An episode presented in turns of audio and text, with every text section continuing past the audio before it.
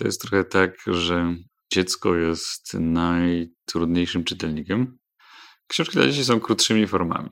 Dlatego każde słowo musi być idealnie dobrane, dopasowane, musi z czegoś wynikać. To zdanie, które się pojawia, musi mieć powód, sens, musi być też skuteczne, ponieważ musi trafiać i w głowie musi się pojawiać od razu jakiś obraz z tym związany obraz, który najlepiej jest od razu nacechowany emocjonalnie, że to nie jest jakiś mm, płynący nad Niemnem, w którym mamy piękny opis przyrody i ona się ciągnie. Ja w przypadku dzieci to musi chwytać, ponieważ no, to jest pierwszy haczyk, za którym jest drugi i ta opowieść musi gdzieś płynąć, musi gdzieś prowadzić. I to było dla mnie niesamowitym wyzwaniem. W sensie bardzo się chciałem z tym zmierzyć.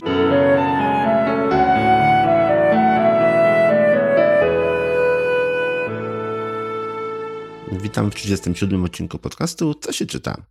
Dzisiaj w bardzo męskim gronie. Nie ma dzisiaj z nami Joanny. Natomiast chciałbym przedstawić Wam naszego specjalnego gościa. Jesteśmy dzisiaj w Bibliotece Raczyńskich w Poznaniu. Dziękujemy bardzo Bibliotece za udostępnienie nam miejsca i jest ze mną niezwykły autor. Autor piszący fantastyczne książki dla dzieci i dla młodzieży. Aczkolwiek zapowiedział, że być może w najbliższej przyszłości pojawi się również książka dla dorosłych. Ze mną jest Jakub Skwosz i żeby nie przedłużać, zapraszam serdecznie do wysłuchania naszej rozmowy. Witam Jakubie, dzień dobry. Cześć, bardzo miło, dzień dobry Państwu. Przede wszystkim pytanie, skąd tak duża rozbieżność? Bo napisałeś książki te naprawdę dla małych dzieci, tak? Napisałeś książki dla dużo starszych, były książki dla nastolatków. Gdzieś po drodze się pojawiły męskie rozmowy nastolatka, czyli tak naprawdę już no, poważny reportaż. Teraz książki o prawie, Skąd tak duża rozbieżność, tak duże zainteresowanie taką ilością tematów? Wbrew pozorom to jest łatwo wytłumaczyć, bo oprócz męskich rozmów nastolatka, które były pierwszą książką, którą zrobiłem jeszcze, gdy byłem nastolatkiem, bo to był taki po prostu pomysł, że dochodziłem do liceum, no bardzo chciałem zadawać pytania ludziom, którzy mnie inspirowali. Mhm. Ale był pewien problem, ponieważ wśród tych osób, które sobie wypisałem na kartce był Marek Konrad, Grzegorz Turnał, Krzysztof Zanussi. No tak, nazwisko niedostępne dla nastolatków. No zdecydowanie niedostępne i żeby w jakikolwiek sposób do nich dotrzeć wydawało się absolutnie niewyobrażalne dla mnie wtedy. Ale stwierdziłem, że może spróbuję i może spróbuję trochę sposobem, czyli co by było, gdyby to ubrać w formę książki, formę wywiadu takiej serii wywiadów, które potem, gdy mi się uda do nich dotrzeć, zadać te pytania, które mają młodzi ludzie, no to moi rówieśnicy, którzy będą czegoś poszukiwali, albo ci, którzy przyjdą za kilka lat i dalej będą podobne pytania stawiać, to znajdą na nie odpowiedzi. No i ten pomysł takich zaskoczył, że się udało, że potem no, zgadzali się przyjmować, bo pisałem do nich maile, dzwoniłem się, napraszałem, czasami to trwało dłużej, czasami krócej. Wszyscy odpisali? A, no było też kilka osób, które odmówiło, można by wspomnieć, znaczy nie odmówiło, na przykład profesor Lew Starowicz się zgodził, ale zgodził się na krótką rozmowę o ósmej rano. Mhm. I zadzwoniłem do niego o tej ósmej rano, chyba nawet ze szkoły, ponieważ no, wtedy musiałem być w szkole, więc mhm. jakoś z boiska szkolnego dzwoniłem. I sobie rozmawiamy, rozmawiamy, ja zadaję kolejne pytanie, nagle przerywa i mówi, przepraszam, bo ja teraz nie mogę, bo ja tutaj mam trudną sytuację na drodze. I odkłada telefon na chwilę. I ja w tym momencie bardzo mu podziękowałem za gotowość w ogóle, mhm. ale po pierwsze stwierdziłem, że rozmowy telefoniczne nie wchodzą w grę, nie da się uzyskać tego, na czym mi zależało. No i na pewno nie rozmowy telefoniczne podczas jazdy samochodem po zakorkowanej Warszawie, no tak. bo, bo to nie miało większego sensu. Miał być profesor Leszek Balcerowicz i też odbyłem z nim krótką rozmowę telefoniczną, ale ta forma telefoniczna absolutnie się nie sprawdzała. On też był mhm. między wykładami. Mhm. Ja też swoją drogą potem się dowiedziałem, dlaczego oni korzystają z tych rozmów telefonicznych, bo to w pracy z dziennikarzami, dziennikarskiej, którą potem wykonywałem, się okazało, że to jest doskonała forma, ale to wtedy zazwyczaj potrzeba kilku zdań, jakiejś tam opinii eksperckiej. To nie tak miało wyglądać, to miała być po prostu rozmowa o życiu, w której oni się otwierają i w której opowiadają rzeczy, które normalnie nie mówią. No tak, tematy trudne, które raczej wymagają skupienia i chwili czasu. Tak, ale to i dodatkowo jest inna, można powiedzieć, chemia tej rozmowy. Gdy się usiądzie, znajdzie ten moment, spojrzy sobie w oczy i zaczyna się no, oczywiście od pytań lekkich, a potem przechodzi się do mhm. tych trudniejszych. To była pierwsza książka, która powstała. Jest o problemach nastolatków, a potem, gdy przeszedłem do tych książek dziecięcych, to z jednej strony te tematy są różne, ale z drugiej Ja tego nawet nie kontrolowałem, to samo wyszło. Każda z kolejnych książeczek już jest dla starszej grupy wiekowej, czyli zaczyna się właśnie od przedszkolaków z księżniczką -hmm. Adelą, potem jest wampirek Alfred, który oczywiście dzieciom przedszkolnym można czytać, ale już tak, że ci, którzy ale jest raczej dla szkolnych, tak. Ci, którzy -hmm. już sami próbują się nauczyć czytać, też, też będą mogli skorzystać. Potem były prawie bajki, które już są dla dzieciaków z pierwszej, drugiej, trzeciej klasy szkoły podstawowej, gdy mhm. same czytają. Oczywiście w przypadku zaangażowania rodziców też do młodszych można trafić. No i Adaś Mickiewicz. No już do całkiem starszych. Bohaterami są dzieciaki w wieku 10-12 lat, a spotkania mam nawet do siódmej klasy szkoły podstawowej, więc już dla starszych i... No tak, bo on w późniejszym czasie jest omawiany w szkole, więc to jest, przypuszczam, przy okazji też i rozmów na lekcjach. To ciekawe, bo bardzo mi zależało na tym, żeby ta książka o Adasiu Mickiewiczu była taką szczepionką właśnie, zanim dzieciaki poznają tę postać, zanim się mhm. spotkają z panią w szkole, zanim pani powie, że to był wielki poeta, a potem spyta, co on miał na myśli. Bo, no właśnie, my się tak śmiejemy. Ja teraz często zadaję pytanie, a co sądzisz, co pan sądzi, co pani sądzi na temat Adama Mickiewicza? I wszyscy oczywiście mają wspaniałe doświadczenia, po prostu nie rozstawali się z jego twórczością od najmłodszych lat. No nie mogli, a, bo to było co roku w szkole, tak? Trochę było w szkole, a trochę nie wypada się przyznać, że po prostu mierził ich, nudził albo hmm. nie potrafili go zrozumieć. Ja szczerze mówiąc przyznaję się, że jak panie pytały polonistki, co poeta miał na myśli, to nie zawsze wiedziałem i nie zawsze zachwycał. Więc to miała być taka szczepionka, żeby opowiedzieć historię niesamowitego człowieka, dziecka, które wcale nie było skazane na sukces. To było tak, że o, widzisz, mhm. mógłbyś być takim wielkim człowiekiem. Wcale nie było pewne, że po 200 latach dalej się będzie o nim mówić i czytać i dalej i będzie w kanonie lektur szkolnych. I to miała być taki właśnie zastrzyk, szczepionka przed tym, gdy się zacznie rozmowa w szkole. Ale co się okazało? Zmienił się trochę program i teraz Mickiewicz jest już od czwartej klasy. Oczywiście to się zaczyna jakimiś opisami przyrody, no ale podejrzewam, że dzieciaki mają ponure miny już znacznie wcześniej z powodu Mickiewicza. Czy ty naprawdę chcąc, nie chcąc, przypadkowo trafiłeś w program nauczania? Połączyło się, bo wiele pań nauczycielek się teraz odzywa i zgłasza i mówi, że bardzo, bardzo się cieszą i bardzo im to pomaga i mogą skorzystać z takich dodatkowych materiałów, mm -hmm. żeby wprowadzić ten, a potem zrealizować podstawę programową, która ich obowiązuje. No tak, jest ale... właśnie punkt zaczepienia, którym pokazują, mm -hmm. że ten poeta, który potem ten trudnopis przyrody skonstruował, też właśnie był małym chłopcem. Jak Czyli kiedyś tego, był taki sam jak oni, tak? Jak do tej mm -hmm. pasji dochodził. Czyli co, kolejna książka będzie dla jeszcze starszych? Kolejna książka, która najszybciej się pojawi, jest skończona, to jest druga książka z serii wciągających książek o Wielkich Polakach. Będzie o Mani Skłodowskiej. Ponieważ po Mickiewiczu pomyślałem sobie, że przydałoby się też pokazać dziewczynom, że to nie tylko mężczyźni tworzyli -hmm. naszą historię, ale również kobiety i to w niesamowity i bardzo rozwijający sposób. Skłodowska jest fantastyczną postacią. Z jednej strony osobą, która burzyła mury, burzyła przekonania od najmniejszych, czyli na przykład gdy była młoda, jeździła konno w stroju męskim, co tak, było, tak, co, co było nie do pomyślenia, nie do pomyślenia. w czasach. Mhm. Panie miały jeździć z nogami na bok w długich sukniach i mhm. nigdzie nie galopować, a ona nie bała się, żeby ten strój od kuzynów pożyczyć i pojechać. Po to, że wybiera się na studia, których nigdzie indziej nie może doświadczyć, przeżyć, zdobywa kolejny stopień edukacji jako pierwsza kobieta. Tak, też bardzo męskie stopnie edukacji. Tak, na, na bardzo takich, męskich uczelniach. Na, tak, na kierunkach, które nawet dzisiaj jest pewnie więcej przewaga mężczyzn niż kobiet. Po wreszcie nawet sprawy obyczajowe, gdy po śmierci swojego męża wchodzi w romans z mężczyzną, który ma żonę, dawnym przyjacielem jej męża. I w tym przypadku, oczywiście, ponieważ to jest książka dla dzieci, nie rozwijam się jakoś niesamowicie, ale zaznaczam i zwracam uwagę, że takie elementy też były obecne w No, życiu. zdecydowanie, łamała schematy i, i, robiła to właściwie całe życie.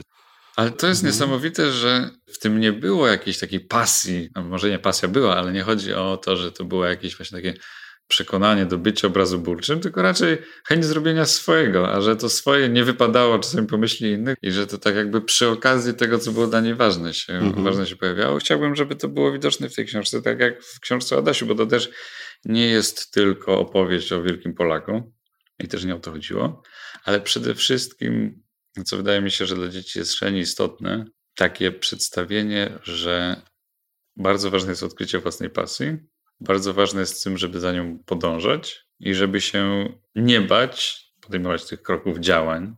Nawet jeżeli otoczenie nie jest do końca przekonane, albo odmawia, albo zniechęca, albo ma jakiś inny pomysł. Że gdy się czuje, że to jest moja droga, to czasami trzeba na to postawić i zaryzykować. Tak jest I w przypadku Mickiewicza, bo nam się wydaje, że on był wielkim poetą skazany na sukces. Gdy pierwsze wiersze przygotował, to wileński drukarz stwierdził, że nie ma zamiaru tego publikować, bo kto będzie czytał jakiegoś nauczyciela z Kowna. To nie był wtedy wielki Mickiewicz, tylko to był jakiś jeden tak, z wielu tak, tak. nauczycieli. Tak. Zanim został wielki, no, który, nie mógł być wielkim od początku. Który w Kownie z trudem prowadził zajęcia i nie za bardzo mu się to podobało. No i w przypadku Mani ona miała co prawda wsparcie rodziny i oni ją zachęcali do tego wyjazdu i, i też namawiali. I siostra ją wspierała finansowo, jak ona wcześniej wspierała swoją siostrę. Ale no, zderzenie z tą rzeczywistością, która była bardzo męska i zresztą studentka w tamtych czasach to nie była kobieta, która chodziła na studia, tylko kochanka studenta tłumacząc z francuskiego, więc nawet z takimi zjawiskami się musiała przedzierać. No ale to już jest do Skłodowskiej i dla starszych i dopiero jesienią. No ale tak, ale, ale jest, to, jest to jedna rzecz, o której chciałem zapytać, bo nawet mam tutaj taką małą ściągę. I właśnie cytat, nie pamiętam, ze strony internetowej albo e, z jakiegoś opisu. Adaś Mickiewicz, Łobuz i Mistrz to pierwsza z cyklu wciągających książek o wielkich Polakach. I właśnie dlatego, dlatego chciałem też ten temat przy okazji tak. poruszyć. Tak, e, druga, co będzie, co druga, będzie kolejne, skoro Adaś jest pierwszy. Druga ma być Mania, no i mhm. książka już jest przyjęta przez wydawnictwo i jeszcze będziemy pracować nad ilustracjami, ponieważ bardzo chciałem od początku, żeby, znaczy mam 200 stron, ale żeby no, to, jest tego troszkę, tak. ale żeby nie było monotonnie, na każdej rozkładówce w kontekście magazynu. W przypadku książek, no niemal na każdej stronie znajduje się mhm. jakiś drobny element ilustracyjny, który przyciąga wzrok i też bardzo się podobały za pierwszym razem, więc sądzę, że będziemy tę tradycję kontynuować w drugiej książce. Jak wygląda proces zbierania informacji do Adasia? Nie wystarczy chyba, po prostu pójść do biblioteki i przeczytać biografię. Najbardziej fascynujące są oczywiście podróże, czyli wyjazdy do Paryża, chociaż w Paryżu już też więcej czasu spędzałem w kontekście skłodowskiej, ale do Wilna, gdzie spędziłem cały tydzień, byłem w muzeum, Adama Mickiewicza i tam jedna z pań, pani Alicja, której zresztą bardzo dziękuję za pomoc i podziękowania się w książce znalazły, ponieważ opiekowała się tą publikacją od samego początku i czytała różne wersje. I zwracała uwagę na tekst, ale też przyjęła mnie w Wilnie i oprowadziła i po muzeum, i po samym mieście, żeby pokazać miejsca, które były związane z Mickiewiczem, które jeszcze mogą pamiętać tamte czasy, podpowiedzieć, mm -hmm. jak to mogło wyglądać, co się zmieniło. Więc y, to jest ta część podróżnicza. Można zadać pytanie, ile rzeczy jest teraz takich samych. Pojedyncze. No, wiadomo, czasy się zmieniły, tak? Tak, I... ale gdy się człowiek dobrze przypatrzy, to jest w stanie znaleźć ślady.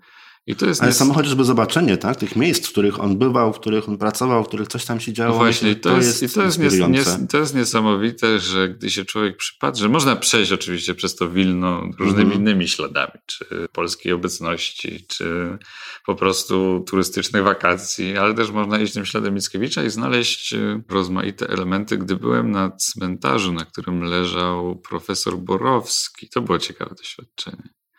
Ponieważ profesor Borowski to był nauczyciel Mickiewicz akademicki, który prowadził otwarte zajęcia, na które studenci właśnie mogli przynosić swoje wiersze i dzielić się tymi utworami. On je krytykował i omawiał i, i rozmawiał z ich autorami. Po pierwsze, z jednej strony gdy podobno Mickiewicz wyszedł z pierwszego spotkania, to zakrzyknął, że na naszym firmamencie rozbłyśnie niedługo nowa gwiazda. I tak mu przewidział, czy to jest jednak mm -hmm. trochę legendy, czy, czy rzeczywiście coś no, tam pod nosem. to jest troszkę Tak, prawdy. coś tam pod nosem powiedział, więc to była to jeden element. A drugi element, że podobno wszyscy, którzy przychodzili jego szkołę, albo rezygnowali z pisania wierszy, albo robili to w końcu tak, że te utwory stawały się zrozumiałe dla innych ludzi, o co w końcu chodzi. Piękna forma, raz, ale -hmm. też przekazany komunikat. No, no sama forma nie wystarczy. To są, to są Czyli te... albo rezygnowali, albo stawali się mistrzami.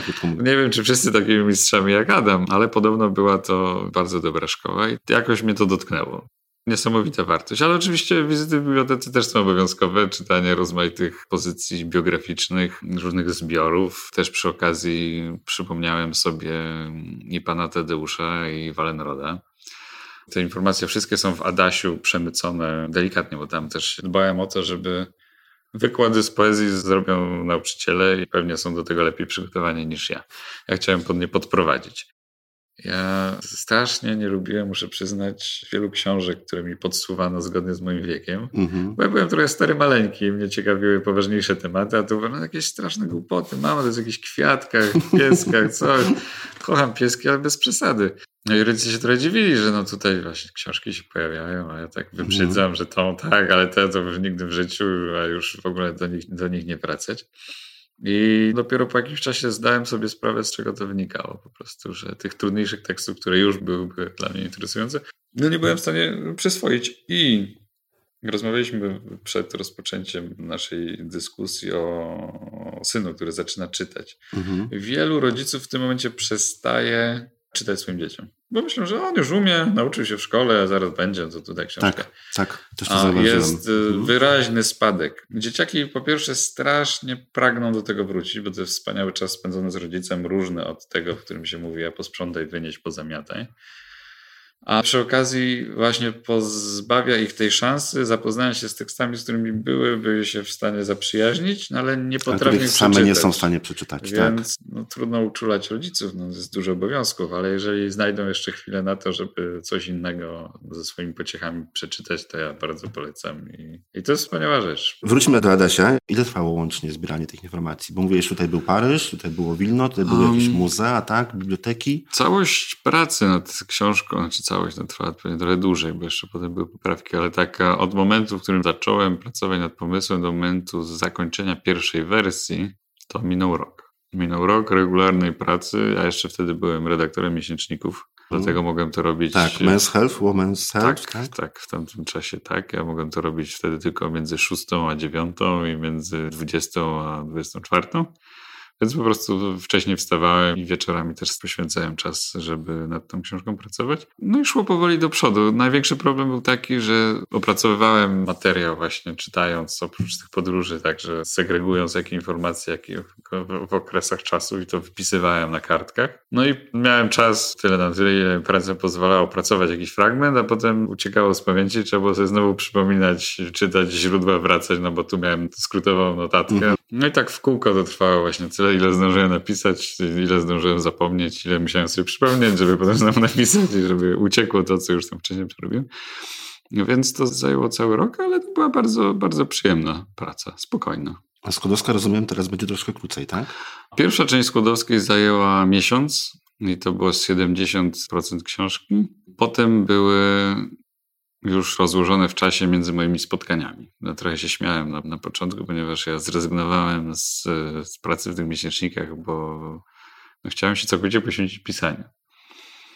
Ale oprócz pisania są oczywiście spotkania autorskie, które mhm. mam w całym kraju. I okazało się, że tak się poświęciłem pisaniu, że nic nie pisałem, tylko jeździłem do spotkania i generalnie właściwie poświęcałem się prowadzeniu samochodu, żeby tu dojechać do tych różnych miejsc. Ale jest takie jedno pytanie, które mnie nurtuje właściwie od samego początku, od momentu jak pomyślałem, że, że moglibyśmy się spotkać. Dlaczego dla dzieci są autorzy, którzy twierdzą, autorzy książek dla dorosłych, autorzy znani, lubiani, nazwisko popularne, znane na całym świecie, którzy twierdzą, że za książki dla dzieci wzięli się dopiero w momencie, gdy byli pewni, że sprostają zadaniu. To jest trochę tak, że dziecko jest najtrudniejszym czytelnikiem, i można by taką odpowiedzią zakończyć, ale też mam takie przeświadczenie, że chirurg szczękowy też uważa, że jego dziedzina chirurgii jest najbardziej wymagająca i najpiękniejsza mm -hmm. na mhm. świecie, więc wolałbym na tym nie poprzestawać. Jest tak, że rzeczywiście książki dla dzieci są krótszymi formami. Dlatego każde słowo musi być idealnie dobrane, dopasowane, musi z czegoś wynikać. To zdanie, które się pojawia, musi mieć powód, sens, musi być też skuteczne, ponieważ musi mhm. trafiać i w głowie musi się pojawiać od razu jakiś obraz z tym związany. Obraz, który najlepiej jest od razu nacechowany emocjonalnie, że to nie jest jakiś płynący nad Niemnem, w którym mamy piękny opis przyrody i ona się ciągnie, niektórzy się zachwycają, a niektórzy nie potrafią tego... Tak, a niektórzy kartkują i tak, sprawdzają, gdzie szukają, gdzie tu w końcu mm -hmm. będzie jakaś, jak, jakaś Jakiś rozmowa. Dialog, tak. Ja w przypadku dzieci to musi chwytać, ponieważ no, to jest pierwszy haczyk, za którym jest drugi i ta opowieść musi gdzieś płynąć, to musi gdzieś mhm. prowadzić. I to było dla mnie niesamowitym wyzwaniem. W sensie bardzo się chciałem z tym zmierzyć. Jednocześnie też pracowałem już w redakcjach. Czasami się śmieję, że dla dorosłych napisałem więcej bajek niż dla dzieci, ale to tak, niech, niech to zostanie między nami mimo tej formy, między nami słuchaczami też. Cieszę się z tego wyzwania i to pozwala właśnie się zmierzyć z tym, jak kierować tych bohaterów, jak ich przedstawiać, co się powinno dziać, w jakiej kolejności, w jakim tempie, że to wszystko musi płynąć. I to była niesamowita szkoła, której nie da się zrobić w inny sposób też pewną cechą był fakt, że byłem strasznie niecierpliwy. Jak sobie pomyślałem... Ale to chyba nie ułatwia. Nie ułatwia, ale z drugiej strony motywuje do, do pracy, ponieważ jak sobie myślałem, że książka dla dorosłych, no właśnie, albo dla młodzieży, to powstaje cały rok i to się tak ciągnie. A już nie miałem ja już chciałem, żeby to szybko się zaczęło dziać. No, mamy już... autorów typu na przykład Mróz, tak, którzy się nawet aż dziennik śmiał, że Mróz postanowił dwa dni całej, żadnej książki nie napisać. Ale w, w przypadku całej reszty autorów to, to nie wygląda tak, mm -hmm. tak pośpiesznie. Fakt, że te książeczki dla dzieci mogą być szybsze, krótsze, bardzo mi odpowiadał, ale także z innego powodu jeszcze. Ja doskonale dzieciaki rozumiem, jak coś nie odpowiada, nie interesuje, nie jest wciągające, to ja absolutnie szanuję to, że można taką książkę odłożyć, albo powiedzmy sobie szczerze, w przypadku dzieci nawet rzucić gdzieś w kąt i stwierdzić, że to tak, już koniec. Tak, i tak. Dzieci są bardzo szczere i w połowie zdania ci powiedzą, tak, że nuda, nie, nuda i książka i w kąt i nigdy więcej. Ja mam w sobie to dziecko, które też jest gotowe właśnie rezygnować. Nie, nie muszę doczytywać do końca, jeżeli nie zachwyca. Jeżeli przedstawienie teatralne jakoś specjalnie mi się nie podobało, to nie wstaje i nie klaszczy, pomimo tego, że cała reszta publiczności stoi i bije brawo. No i to jest takie spotkanie z kimś, kogo się bardzo dobrze rozumie. Dlatego sądzę, że się do, tak dobrze dogaduje. Dlatego pominąłeś ten etap książek dla dorosłych i wziąłeś się od razu za te dziecięce. Znaczy, miałeś jakiś nawet, pomysł? Były w ogóle właśnie plany? Nawet, nawet nie wiem, czy pominąłem. Znaczy się z tego pierwszego okresu mam pewną powieść, którą mam nadzieję, że nikt nigdy nie odnajdzie, chociaż mógłby byłyby jakieś szanse, ale mam nadzieję, że to się nie stanie. Ciepłe wspomnienia mam z tamtą książką, ale się do niej teraz nie przyznaję. I, I, wszystkie ślady, które mogły nas łączyć, zostały zatarte. A teraz to powoli wraca, bo to też jest trochę związane z tą kwestią właśnie dorastania tych czytelników. Że zaczęło się od przedszkola, teraz doszło do szkoły i kolejną książkę już nastolatkowie, młodzi dorośli, ale także ich rodzice będą mogli sięgnąć. Prawdopodobnie. Wszystko wskazuje na to, że tak będzie wyglądało. No oprócz oczywiście kolejnych książek dla dzieci, no bo to jest przyjemność, żeby czasami pobyć w jednym sieci dorosłych, a czasami mm -hmm. wrócić właśnie do tego, który jest mm -hmm. szybszy, krótszy. Oczywiście proces pisania trwa krótko, taką bajkę można stworzyć w jeden no tak, wieczór. No tak, no, no, no i, i, są to książeczki, które często się czyta w jeden wieczór. Tak? Ale potem, bo stworzyć to jest jedna rzecz, potem są poprawki mhm. redagowanie, to jest upewnianie się, czy to wszystko, korygowanie tych właśnie wyrazów, żeby tam czasem czegoś nie zabrakło. I potem radość, że się to udało, a po pewnym czasie znowu myśl, że gdybym to miał zrobić jeszcze raz, to zrobiłbym to inaczej. Ale to chyba jest nieunikniony element Czyli będą świadczy o rozwoju. Będą, na, będą nowe wampirki i Adele? Inne wampirki i inne Adele istnieją. One istnieją od samego początku. Wampirków są cztery tak naprawdę. Dwie bajeczki się pojawiły na rynku. Mhm. Księ- księżniczek jest nawet więcej. Sądzę, że jest około 13. Wydane zostały Wydane cztery. zostały tak? cztery. To się trochę wiąże z charakterystyką rynku wydawniczego i z tego, że to już 13 książek o jednej bohaterce to jest naprawdę poważna ilość. Ale też z tym, że to jest śmieszna, śmieszna sytuacja, mianowicie Najpierw podpisałem umowę wydawniczą na księżniczkę Adele. Wydawnictwo powiedziało, że bardzo mi się podoba, biorą to. A w ogóle na początku miał się pojawić w formie e-booka. Nie chciałem korzystać, teraz to miała być taka moja osobista forma, pomijając instytucję tradycyjnego wydawcy. Gdy wydawnictwo zobaczyło, to stwierdziło, że bierze i przygotowują z tego książkę, ale materiały, jakby ten pomysł księżniczki, scen kolejnych i jak to było narysowane, to wyszedł od pani ilustratorki, od tego, co stworzyliśmy w naszej wersji. I że oni stwierdzili, że my to bierzemy, ale półtora roku proszę poczekać, bo tak jest plan. Na przyszły rok już mamy zajęty, niestety, to na kolejny już pana zapisujemy. No, ja się trochę złapałem za głowę, właśnie wspominając o mojej niecierpliwości, że jest półtora roku, no, nigdy tego nie dożyję. Nie dożyję mhm. tego. I stwierdziłem, że skoro ten pomysł, taka forma też gotowej książki, jak się spodobała, to zacznę przygotować drugą. Mhm.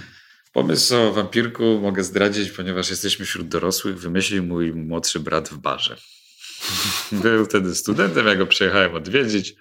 Poszliśmy do baru i tak nasz kuzyn zresztą był po drugiej stronie i w takiej rodzinnej atmosferze no, mój brat Aleksander stwierdził, że a wiesz co, może byś stworzył coś o takich wampirkach, które tworzą sny, gdy my śpimy. Niech on ma na imię Alfred. I tak powstał wampirek Alfred. I przygotowałem tą książkę, podpisałem umowę z innym wydawcą. Oni o sobie nie wiedzieli. Datę premiery ustali na ten sam dzień. O. Więc tego samego dnia od razu ukazało się sześć książek. Długo na to czekałem. Mm -hmm. to, no tak, a potem nagle się mhm. okazało, mm -hmm. że w tym samym momencie. Ale to było bardzo przyjemne, no ale właśnie w pewnym momencie ukazało się, w tej samej chwili ukazało się sześć książek. I... Czyli długo nic, a potem Jakub Skwoszu po prostu zasypał, nagle, zasypał rynek, tak, nagle, tak, calutki swoimi tak, książkami. Więc też także dlatego te księżniczki Adele sobie czekają, no ale ja je mam w odpowiednim miejscu na dysku. I istnieje szansa, że kiedyś wrócą. Że tak powiem, są gotowe, więc dlaczego by nie? Pierwsza książka, pierwsza pisana jako nastolatek, tak? Męskie rozmowy nastolatka, została opublikowana całkowicie za darmo w internecie. Tak. Wampirek Adela były wydawane przez wydawnictwa, ale prawie bajki to chyba już nie jest mm. wydawana książka przez wydawnictwo, tak? Jest wydawnictwo, ale nie w tradycyjnym znaczeniu tego słowa. Mianowicie to trochę wynika z charakteru tej książki. Dlaczego ona powstała? Podczas jednego spotkania z księżniczką Adelą przyszedł mecenas Rafał Szymkowiak z kancelarii Pragmatic. Usiadł w rogu i posłuchał. No potem w pewnym momencie wybiegł, żegnając się, że już musi dzieciaki, bo spotkanie oczywiście rządzi się swoimi prawami. Jest czytanie, -hmm. jest rozmowa, mm -hmm. a potem są różne mhm. aktywności. Więc pan mecenas no, nie skorzystał z kolorowanych i pożegnał się i zniknął, ale potem zadzwonił z pytaniem, czy nie można by czegoś o prawie dla dzieciaków. No, oczywiście, że się da, nie ma żadnego problemu. Potem dopiero przyznał się, że ze swojego prawniczego stanowiska te księżniczki tak nudziły. On właśnie by chciał jakiś taki konkret, żeby tam się coś działo z tym prawem. W dodatku przyznał to na antenie radiowej, więc z zaskoczenia. No, ale to też pokazuje, jakie nam przyświecało podejście. Czyli, Dlatego to się nazywa prawie bajki. Czyli prawie bajki tak powstały trochę przypadkiem, tak? One nie były znaczy, planowane przez ciebie? No, z, inaczej, z przypadkiem nie powstały, bo jeszcze się potem długo na, nastaraliśmy, żeby powstały, ale z inspiracji mecenasa Rafała Szymkowiaka. No i potem zaczęliśmy pracować nad tą wizją, zderzając. Więc z jednej strony najpierw przygotowałem pierwszą powieść, która czy też dotyczyła konsoli i jej kradzieży, ale była taka bardziej fantastyczna. Były strzelaniny, pościgi, mm, różne żarty z prawników. Mm -hmm. Przy okazji też mieliśmy tam zamieszczać, żeby to była takie z przymrużeniem oka. No i gdy przysłałem to do kancelarii, to tam się złapano za głowy, że po pierwsze sądy tak nie działają, że to w trzy tygodnie się nie da załatwić, to, to więcej czasu, a po drugie, że żaden prawnik to nie przeczytał, to jest właśnie takie fantastyczne. I przygotowali mi swoją wersję tej historii na bazie tej pierwszej. No i w tym momencie ja się złapałem za głowę, no bo powiadomienia, no tak, trzeba było trzy razy upomnienie, mamy, siedem mamy telefonów. Prawo zero fantastyki, tak?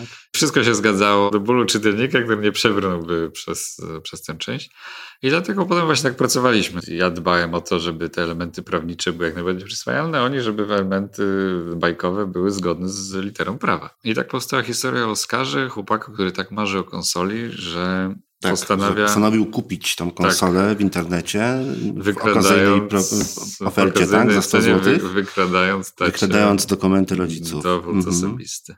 No i potem oczywiście pojawiają się problemy, z którymi cała rodzina musi sobie poradzić, no bo to Oskar zaszalał, a problem jest znacznie poważniejszy. Tak, przychodzą wezwania do zapłaty, SMS-y, tak, wreszcie, telefony. Tak, wreszcie tu jakieś zagrożenie, że przyjdzie komornik i zrobi egzekucję. Mhm. Oskar wykrzykuje przerażony, że to tato trzeba ratować komornika, komornika przed mhm. egzekucją, a tata przyznaje, że to jednak nie komornik będzie miał problemy. No i oni trafiają do kancelarii prawnej, która pomaga im rozwiązać te problemy i pokazuje, jak to wygląda, jak sobie radzić w takich sytuacjach. W trakcie opowiadania pojawiają się też na marginesie podstawowe pojęcia prawne, które mhm. można mm, dzieciom tłumaczyć. Tak, tutaj widziałem, co mhm. to jest kancelaria, kim jest mecenas, gdzieś tak, tutaj było, kredyt, co to jest odsetki, kredyt, odsetki. Mhm. Rozmaite, rozmaite pojęcia związane z, z tą dziedziną życia. Co ciekawe, ponieważ mamy też spotkania z prawie bajkami i prawnicy i ja. Jest do tego przygotowana cała taka lekcja edukacyjna. Zresztą jakby ktoś chciał takie materiały uzyskać albo przeprowadzić, bo czasami prawnicy przyjeżdżają w różne miejsca, to prosimy o kontakt. Chyba mail brzmi kontakt prawiebajki.pl. Nie wiem, ale na pewno na stronie prawiebajki.pl tak, jest, jest, jest formularz kontaktowy, jest adres podany. Gdyby ktoś chciał mhm. skorzystać z tych materiałów edukacyjnych, to my je z chęcią udostępniamy. Też zachęcamy właśnie prawników, żeby mhm. No właśnie, jak to, się potem, jak to się potem rozwinęło? Bo po napisaniu prawie bajek zaczęły się warsztaty, zaczęły się wyjazdy, zaczęły się spotkania. E, z tego co wiem, to i kancelaria Pragmatic, i inne już w tej chwili też kancelarie przyłączyły się do projektu. I to się rozwija coraz to bardziej. To jest ciekawe, ponieważ to początkowo miał być przede wszystkim taki podarunek które kancelarie kupują dla swoich, Dla swoich e, klientów, klientów. dla Mhm. swoich pracowników z okazji jakiegoś święta, no bo to są jakieś przyzwyczajenia, że tu właśnie się daje jakąś butelkę wina, tam się daje jakiś folder, tu przekazuje wizytówki. W pewnym momencie, jak już się każdy dostaje od każdego butelkę wina, no to się nawet nie pamięta, od kogo Mhm. się te butelki dostał. I właśnie miał być taki pomysł, że kancelarie będą sobie korzystać z tego, że teraz mogą kupić taką Mhm. pozycję i ją sprezentować. A się okazało, że oprócz kancelarii, które właśnie też przystąpiły jako ambasadorowie do tej akcji, bo część tych kancelarii, które, które z nami współpracują, to są właśnie takie kancelarie, które kupiły duże nakłady tych książek i albo właśnie przeznaczyły na dobre cele do bibliotek i Mhm. do szkół, albo też właśnie prezentowali swoim pracownikom czy swoim partnerom. To pojawiła się duża grupa rodziców, która chciałaby o prawie z dzieciakami porozmawiać, No tak, no są tematy niezwykle istotne, ale nie wiedzą jak. ale trudne. Tak. Czy brali kredyt na mieszkanie i tam się okazało, że te odsetki urosły znacznie więcej niż się spodziewali, albo podpisywali jakąś umowę. Albo też jak tata Oskara kupili samochód z wadą i potem trzeba było coś z tym Mhm. zrobić. Albo słyszeli po prostu taką historię w najbliższym otoczeniu, że tam się wydarzyło coś, coś interesującego. No o takich i- historiach często się słyszy. Tak, to się pojawiają. I wiedzą, że to jest ważny temat, bo sami przeżyliśmy, albo ktoś z naszych najbliższych przeżył jakiś problem z tym związany.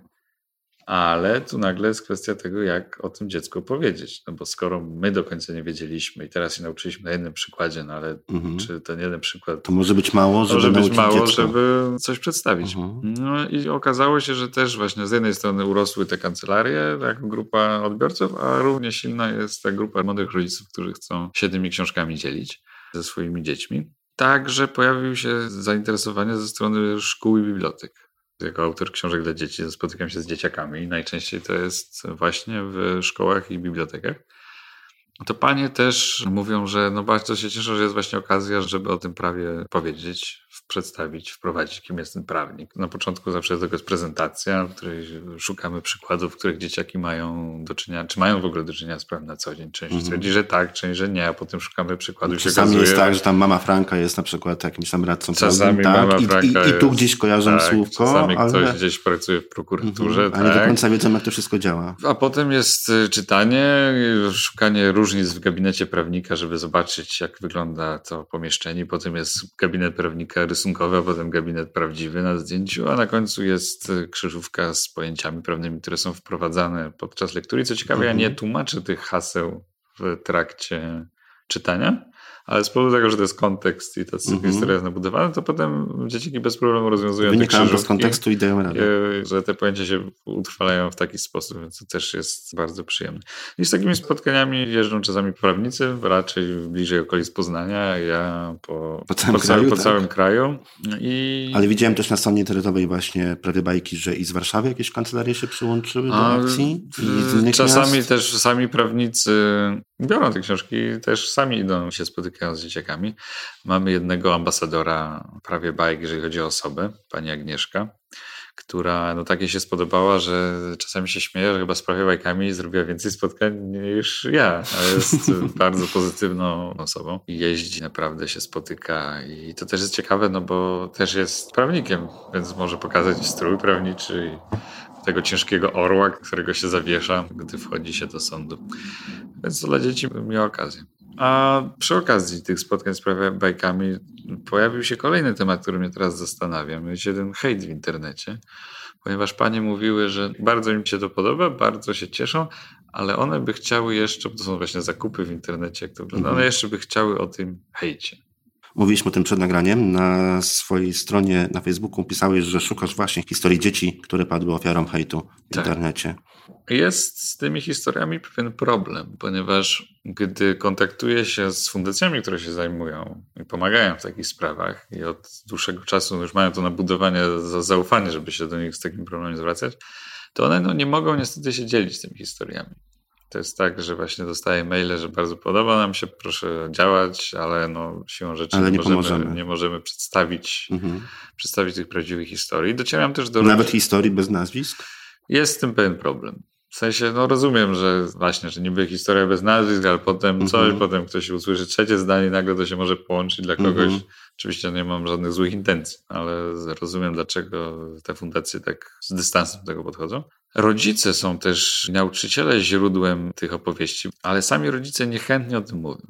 da się czasami wyciągnąć, ale też bez szczegółów, bo to jest trochę problematyczne, trochę traumatyczne, a trochę nie chcą, żeby właśnie to, gdyby ta sytuacja, historia znowu wróciła w jakiejś formie, żeby znowu nie odżyły te problemy. Też nie o sam hejt chodzi też często tym paniom i nauczycielkom. Też sądzę, że dużo mocniejsze są, są jeszcze przykłady cyberprzemocy. Mhm. Nie chodzi tylko o właśnie Temat pisanie... bardzo poważny, ale bardzo przemilczany. Bardzo trudno jest dostać się do jakichkolwiek materiałów tak naprawdę. Nie chodzi, nie chodzi tylko o pisanie negatywnych komentarzy jakimś celebrytom, bo mhm. to jest oczywiście negatywne, ale w przypadku dzieci i tego, przed czym rodzice chcieliby ich ustrzec, raczej jest właśnie kwestia cyberprzemocy, czyli tego, że nagle przy połączeniu komórki, internetu, Facebooka, Ask.fm dochodzi do no, takiego mechanizmu, zresztą opisanego w psychologii, w której no, ten dystans powoduje, że jest nam łatwiej napisać coś nieprzyjemnego albo zrobić pewien żart, przed którym normalnie może byśmy się powstrzymali.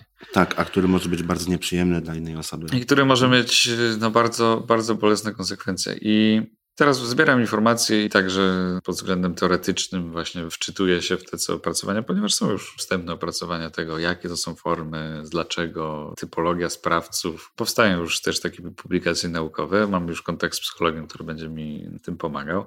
Podejrzewam, że też prawnicy coś od siebie wniosą, bo jest to też kwestia, która no, ma znamiona przestępstwa. No, no tak, tylko pytanie, na ile tych spraw w tej chwili trafiło zabronionego. Ale tak, to też jest kwestia tego, że w wielu przypadkach, o tyle o ile się orientowałem, też nie chcę mówić za prawników, oni mi to mogą ustalić, ale w przypadku cyberprzemocy nie ma łatwego jednego przepisu, pod którym to by podpadało. Jest kilka, które różne cechy tego działania obejmują, ale tak, żeby ułatwiać działanie, nie ma. To też nie jest proste zjawisko no bo jest wolność słowa, czyli fakt, że można powiedzieć nawet koledze albo komuś, kto się zna, że no jednak to jest słabe, nie podoba mi się ta jego praca czy jakieś działanie było no tak, poniżej granica, granica jest bardzo delikatna. Tak. A potem jest właśnie kwestia tego, że nagle się napędzi taka machina nienawiści, która potem się może bardzo źle skończyć. I właśnie o tym chciałbym opisać. Bardzo zależy mi na tym, żeby to była też historia autentyczna. Może to będzie zlepek kilku historii, ale żeby to była historia autentyczna i nie skrajna. W sensie nie szukam samobójców i takich przypadków, chociaż też się zdarzają i też mogą być. Bardziej mi zależy na pokazaniu, że z prostych rzeczy, czasami bez naszej wiedzy, albo z jakiegoś prostego działania, które jeszcze na początku można nawet tolerować, albo tak się nakręca, że dochodzi do czegoś, czego nigdy byśmy nie chcieli, zdajemy z tego sprawę, to, to sami stwierdzamy, że, że te granice już dawno zostały przekroczone. I chciałbym o tym opowiedzieć dzieciakom. Nie, żeby ich straszyć, tak samo jak w przypadku tej historii o internecie i konsoli. Podczas naszych spotkań nie ma nawet zdania, że podczas skupu nie można korzystać z zakupów internetowych, bo sami odbiorcy, mimo tego, że mają 10 lat czy 12, zaczęli się pukać w głowę, bo przecież wiedzą, że ten internet jest wszędzie. Były prawie bajki e, z konsolą, potem pojawiła się jakiś czas temu druga część, tak? Prawie tak, bajek. Emilka. I będzie, rozumiem, hejt, jeżeli się pojawi pojawi, to jako, jako, jako, kolejna, jako kolejna mamy, część? Mamy dwa tematy. Jeden temat to jest jeszcze temat smogu, który jest i znowu będzie szalenie popularny zimą, no bo no już się na jesień powoli szykujemy. Też wiemy, że to wróci. Mhm.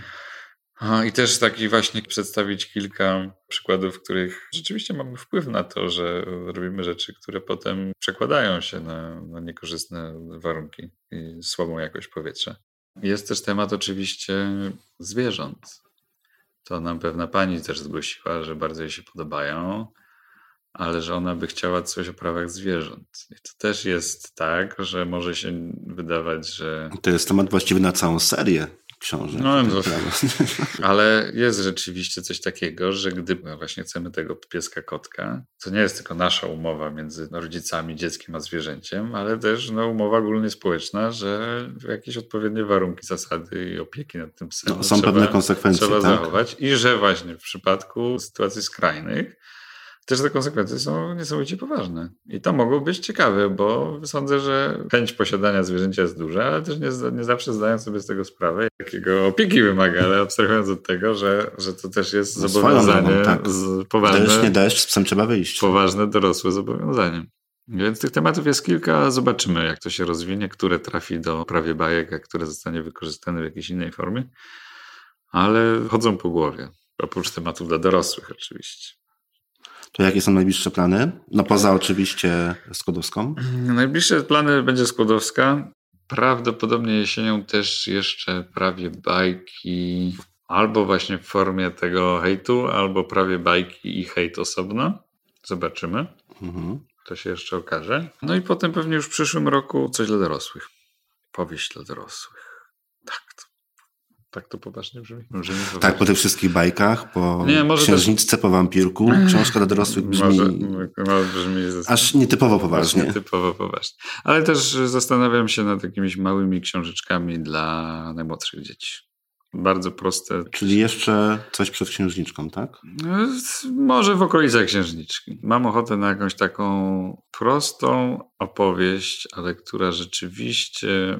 To jest zresztą tak jak księżniczka się zaczyna od e, tego, że ona szuka przyjaciela.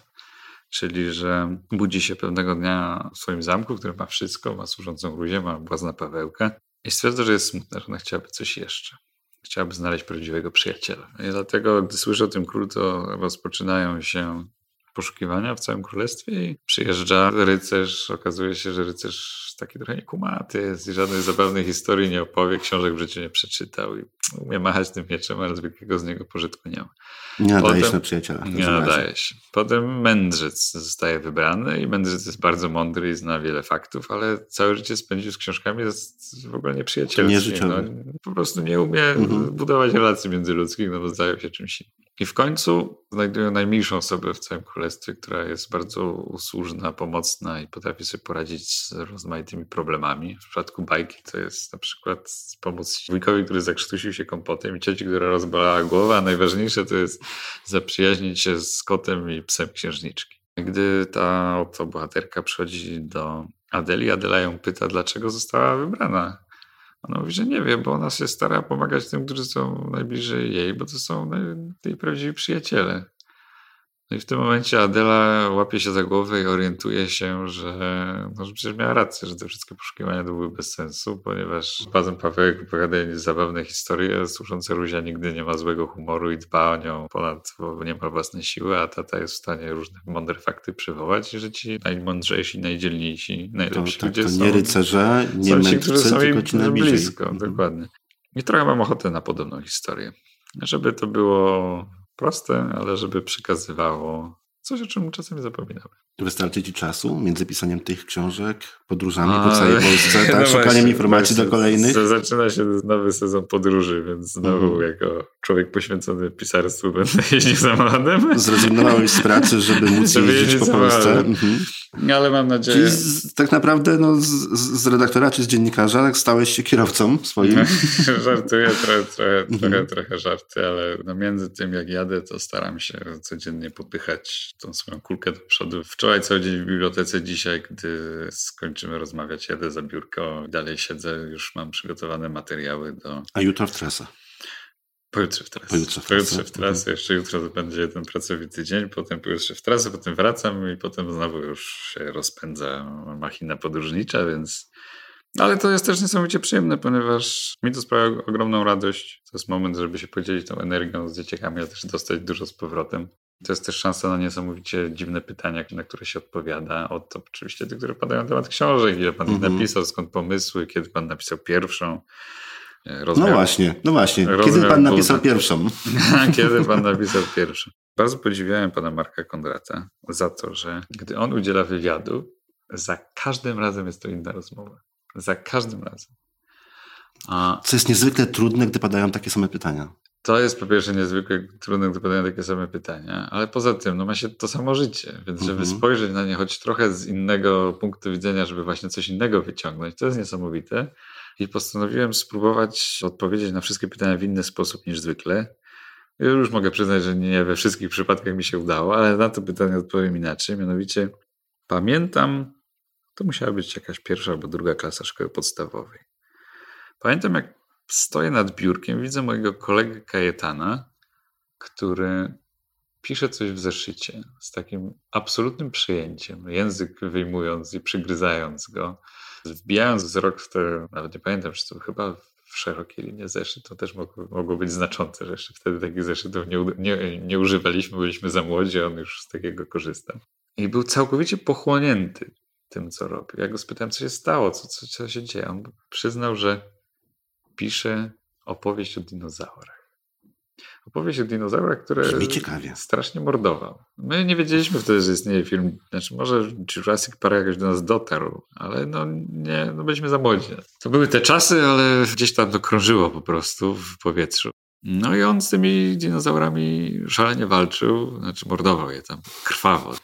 Ja też dołączyłem do, do tego rabunku, do tych biednych dinozaurach.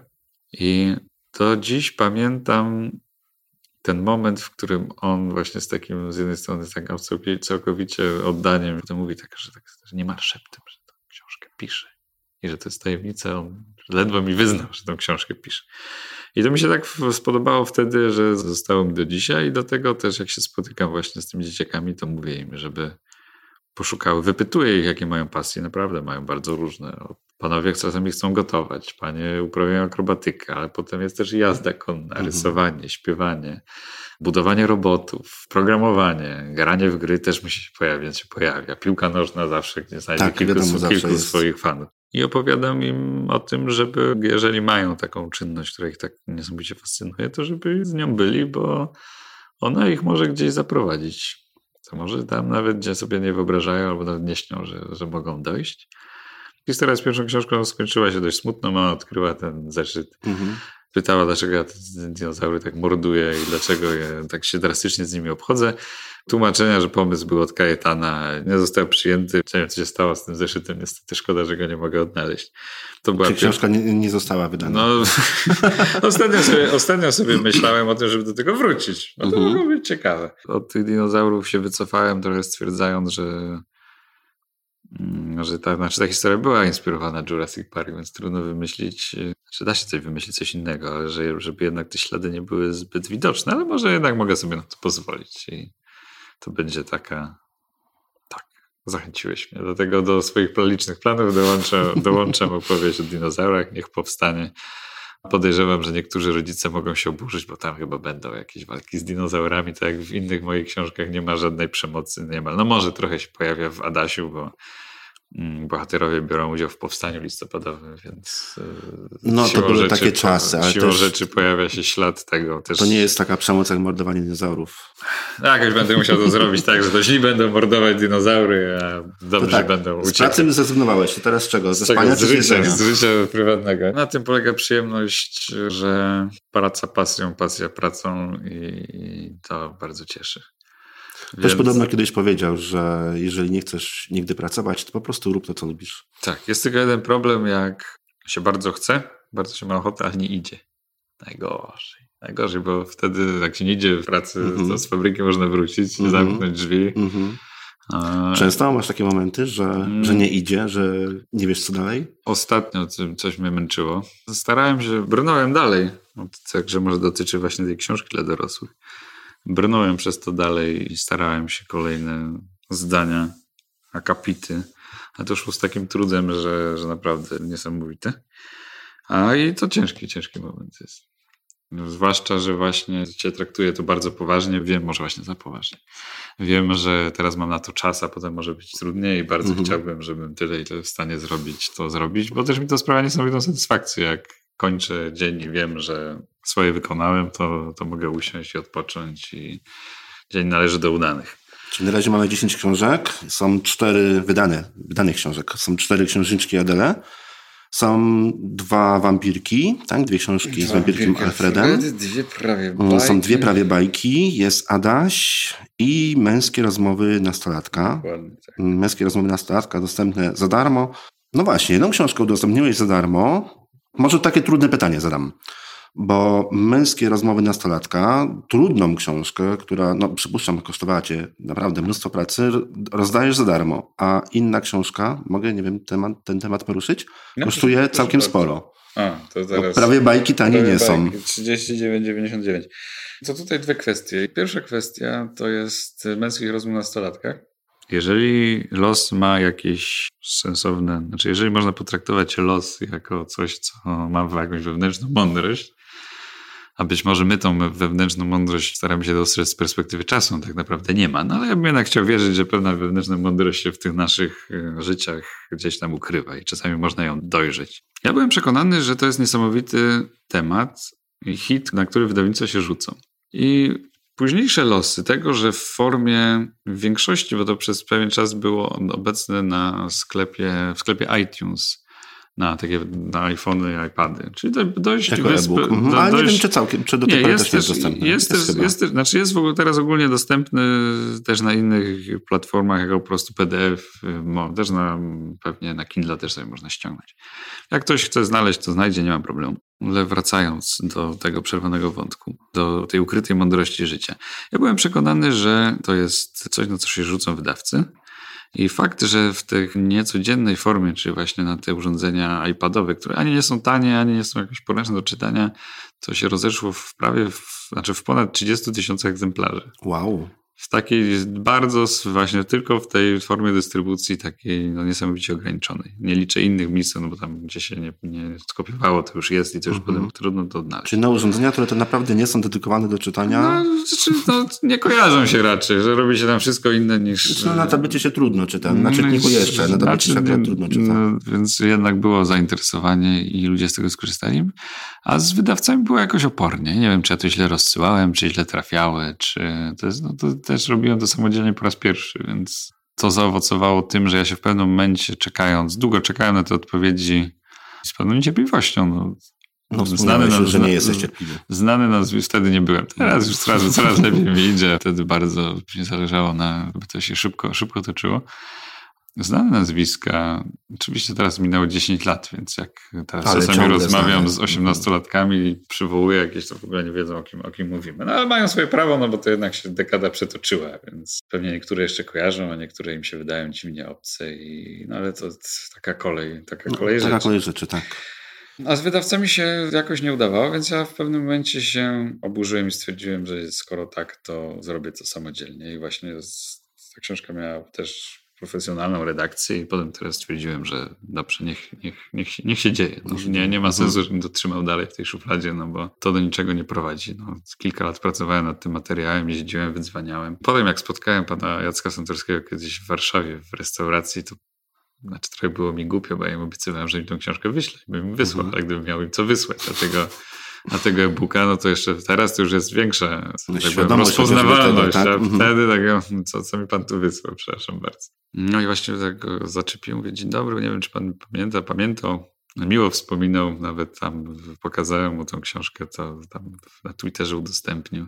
No ale właśnie no tak dziwnie, że w tej formie elektronicznej. No tak, miała Teraz być książka, bardziej, tak? Miała tak, być coś namacalnego. Mhm.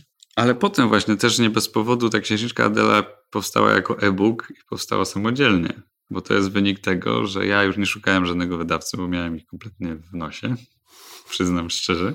I stwierdziłem, że zrobię sobie to samemu. Mhm. I już byłem bardzo blisko, no i w tym momencie pojawiło się wydawnictwo. Zresztą no, nawet Adasia miałem całego zrobionego, znaczy całego, przy ostatniej korekty w większości 99% przygotowanego przez siebie, ponieważ właśnie dbałem, zależało mi, żeby te ilustracje były takie, a nie inne. I dopiero na tej ostatniej prostej dostałem telefon. Kiedyś przypadkowo rozmawiałem z jednym z jej dawców i on potem po miesiącu zadzwonił, spytał, czy mógłby zobaczyć tę książkę. I ja wtedy pomyślałem, dobrze, skoro oni dzwonią, to roześlę do kilku innych. Zostało właśnie też wydawnictwo Zyski, to oni się ostatecznie zdecydowali na publikację, ale miałem trochę inny plan. Myślałem, żeby to samemu od początku do końca pociągnąć. Ma to wszystko swoje wady i zalety. Więc, ale te też sądzę, że w jakiś sposób do tego dotrę z powrotem. W sensie, że mówimy o tej mądrości życia i że, że jeżeli ta ścieżka jakoś prowadzi, to, to jakoś tak, że nie wiem, czy to będzie wydawnictwo, czy jakieś takie bardziej produkcja, czy pro, projektowanie książek. Mhm. Zobaczymy. Gdzieś jest to, jest to blisko. Jest w planach. No, na liście rzeczy. Na liście strasznie, rzeczy. Właśnie któryś raz podchodzę do tego, jestem znowu strasznie blisko i nagle w mhm. ostatniej chwili się na to nie decyduję, więc y, nie wiem, czy to tak ma być, czy to właśnie czeka na odpowiedni moment. A co do ceny prawie bajek, no bo to też się pojawił ta kwestia, no to wynika z tego, że 39,99, że to nie miał być e, no, książka szeroko dostępna, tylko właśnie raczej prezent między prawnikami, a tam też nie wypada dać czegoś. E, co jest zbyt tanie. Co jest zbyt tanie, no bo fajny pomysł, no ale 10 zł. I tak, to, tak to jest trochę między I w taki oto sposób wyjaśniło się, dlaczego muszą... wampirek kosztuje 19,90, a prawie, a prawie bajki kosztują 39,99. No, prawie bajki mają 20, znaczy 64 strony, czyli 32 więcej niż wampirek, ale, ale rzeczywiście jest to pełna wada niestety. Ale chyba nie można mieć wszystkiego. No, no nie, bardzo no nie, podobno, podobno, podobno, nie, podobno nie można. Podobno nie można mieć wszystkiego. Linki do Twojej strony internetowej i opisy tych książek oczywiście umieścimy na naszej stronie cesiczyta.pl pod dzisiejszym odcinkiem. Także i do prawie bajek, i do tych wszystkich pozostałych materiałów na pewno dostęp będzie. Dziękuję Ci bardzo za poświęcony czas. Ja bardzo dziękuję, Ci bardzo, że udało się znaleźć przede wszystkim ten czas między wszystkimi tymi wyjazdami. Między wyjazdami. Nie ma problemu. Cała przyjemność po mojej stronie.